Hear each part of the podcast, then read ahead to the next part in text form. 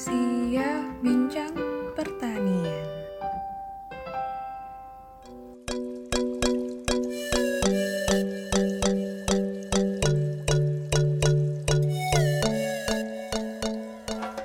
Hai hai semuanya Sobat Agrisiana apa kabar? Semoga di mana pun kalian berada, kalian sehat dan bahagia selalu ya. Balik lagi bersama aku, Galuh Widiasi di Agrisia Podcast. Uh, seru banget. Udah lama gak menyapa kalian dan akhirnya balik lagi buat ngobrolin seputar pertanian yang ada di Indonesia. Nah, kali ini ada yang menarik nih.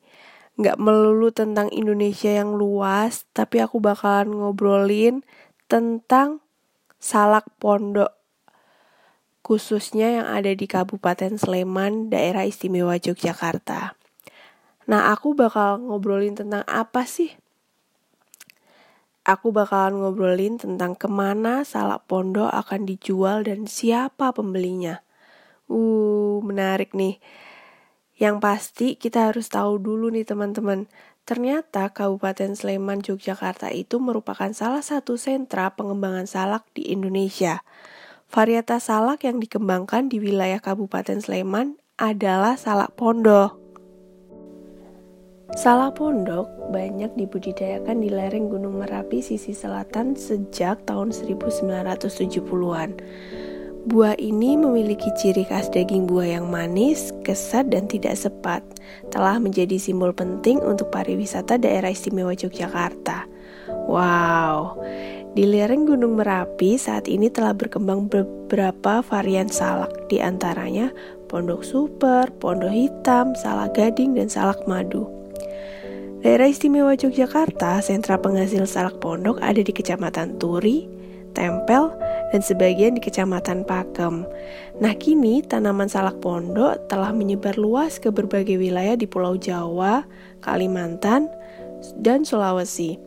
Kalau misalkan di Jawa, kita bisa temukan di daerah Bogor, Tasikmalaya, kemudian Banjarnegara, Kuningan, Magelang, dan Batu yang ada di Malang. Nah, mengulik tentang ke mana salak pondok akan dijual dan siapa pembelinya, ada yang menarik nih. Ternyata sejak tahun 2009, Asosiasi Petani Salak telah merintis usaha ekspor komoditas salak ke negara Cina yang dalam prakteknya dilakukan bermitra dengan eksportir. Negara yang dituju itu ada Cina, Singapura, Uni Emirat Arab atau Dubai, sampai ke Hong Kong. Berarti bisa disimpulin kalau misalkan salah pondok itu pasarnya bukan cuma nasional tapi juga meraba ke internasional. Luar biasa ya.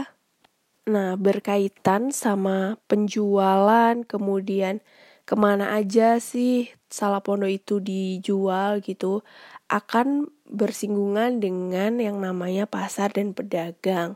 Pasar pastinya kita tahu ya tempat di mana uh, terjadi transaksi antara penjual dan pembeli untuk melakukan pembelian suatu barang. Nah, kalau misalkan udah di pasar, pasti kita akan ketemu sama yang namanya pedagang. Kalau misalkan udah masuk ke ranah pasar yang cukup besar atau pasar induk, biasanya pedagangnya itu beragam. Ada pedagang pengepul, pedagang besar, dan pedagang pengecer. Masing-masing punya perannya masing-masing. Kalau misalkan pedagang pengepul itu pedagang yang membeli produk dari produsen atau petani dalam skala usaha yang relatif lebih kecil. Sedangkan pedagang besar itu pedagang yang membeli produk dari petani dan pedagang pengepul dalam skala usaha yang relatif lebih besar. Nah, yang paling dekat sama kita-kita ini sebagai konsumen biasanya adalah pedagang pengecer. Karena pedagang pengecer itu merupakan uh, pihak yang melakukan pemasaran yang berhadapan langsung dengan konsumen.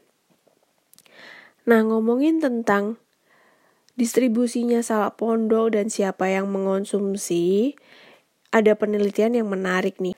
Menurut penelitiannya, Panjaitan bersama dengan Arum Ambarsari dan Tri Endar pada tahun 2017 dirumuskan bahwa pola perdagangan tanaman salak pondok sebagai berikut.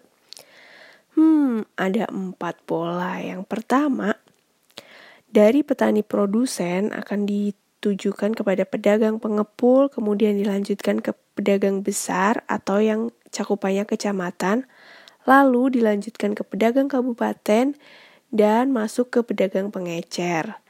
Itu untuk yang pola pertama. Kemudian, pola yang kedua, petani produsen dilanjutkan ke pedagang pengepul, lalu masuk ke pedagang besar atau kecamatan, kemudian dilanjutkan ke pedagang antar provinsi. Yang ketiga, petani produsen kemudian dilanjutkan ke lembaga asosiasi, lalu menuju konsumen luar negeri atau yang diekspor itu. Nah, yang terakhir, yang keempat, dari petani produsen lalu menuju ke pedagang pengepul dan langsung dikonsumsi oleh konsumen. Jadi ada empat pola yang masing-masing pastinya diawali dari petani produsennya dan ujung-ujungnya akan jatuh ke konsumen atau dikonsumsi oleh konsumen.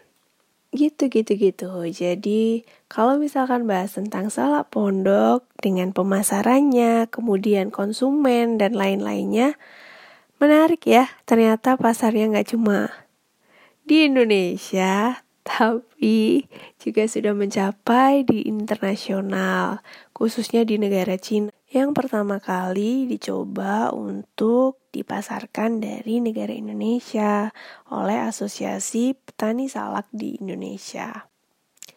Wow, wow, tidak terasa sudah di penghujung podcast pada kali ini.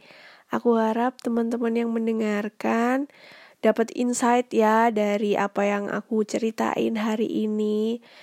Semoga semuanya jadi merasa memiliki salah pondok itu ada di Indonesia dan dipasarkan sampai ke luar negeri. Jadi kalau misalkan kalian berniat atau minat nih buat melakukan budidaya tanaman salak pondok, oke okay banget nih prospeknya oke okay, pasarnya ada dan pastinya konsumennya juga udah ada langsung aja cus mulai persiapannya dan jangan sampai kalian nyesel kalau misalkan mau memulai sesuatu ditunggu cerita-cerita kalian nantinya Terima kasih sudah mendengarkan podcast Agrisia kali ini. Sampai jumpa di lain waktu. Aku Galuh Widiasi, pamit undur diri. Bye-bye.